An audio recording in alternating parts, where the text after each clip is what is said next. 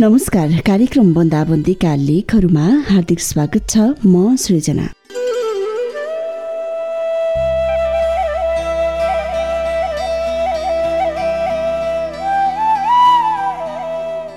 ठुला ठुला सपना र सुविधाको रोजाइमा सहर हानिएको सामान्य मान्छे रोजगारीको खोजीमा सहर हानिएको सामान्य मान्छे यो कोरोना समयमा के सोच्दै होला? अग्ला घरहरूको घना बस्तीहरूमा सफा सुग्घर मान्छेहरूको भिडमा सहरको कुरूपता सायद यति बेला सामान्य मान्छे बोक्दै होला।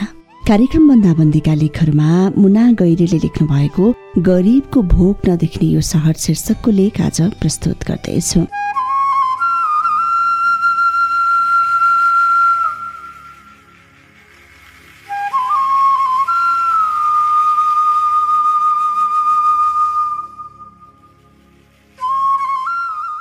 पेटले साह्रै दुःख दियो। यो भोगले नमागे पनि कति आनन्द हुन्थ्यो। गहिरो भाव बोकेका शब्दहरू पनि निशब्द बन्न पुग्दा रहेछन्। समय घर्किँदै जाँदैछ।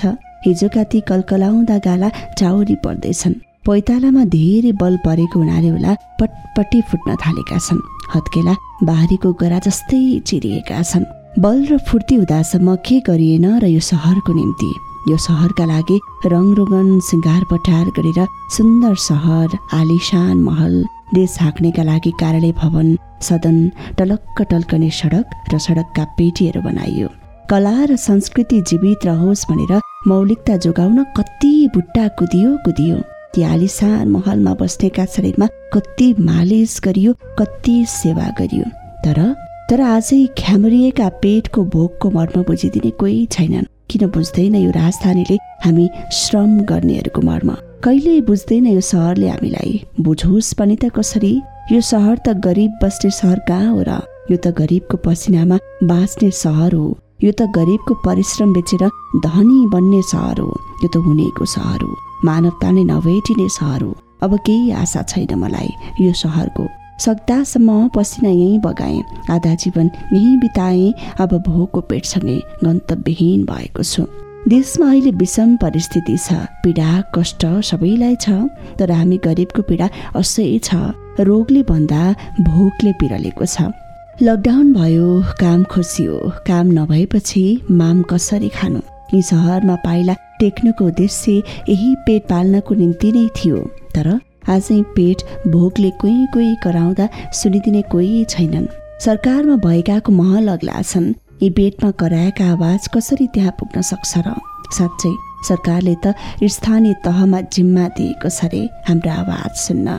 स्थानीयमा जाँदा आफ्नो स्थायीमा राहत पुगेको छ रे। कुम्लो बोकेर यो गरिबीको यात्रामा एक गाँसको लागि भौतारिएर सासको आस नगरी हिँड्न बाध्य बनाउने आखिर कति स्वार्थी रहेछ यो सहर। हामीलाई जति दुःख सङ्कट पर्दा फर्केर कहिल्यै नहेर्ने हाम्रो गुण कहिल्यै नसम्झने कति बैगुनी रहेछ यो सहर। हामी श्रम गरेर बाँचेको सुरक्षा खोइ हाम्रो भोको पेट कसले भरिदिने? जनताको लागि बनेको सरकारको प्रणाम दिनेले आफूले घाँस हाल्नु अघि श्रम गरेर खानेले के खाए होलान् यो परिस्थितिमा कहिले सोचेका छन् त? आखिर हाम्रो परिश्रम मेहनत नरमेको त छ यो सहर।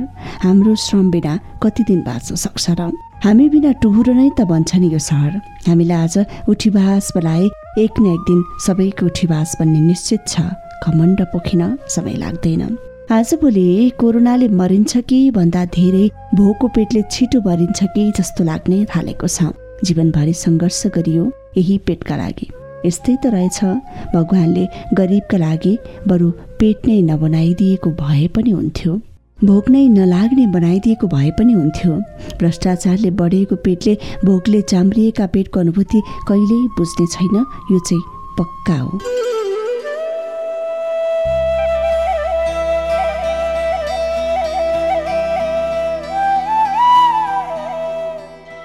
कार्यक्रम बन्दाबन्दीका लेखहरूमा मुना गैरेले लेख्नु भएको गरिबको भोक नदेख्ने यो सहर शीर्षकको लेख आजको कार्यक्रममा प्रस्तुत गरे। आजलाई भने बन्दाबन्दीका लेखहरू यति नै।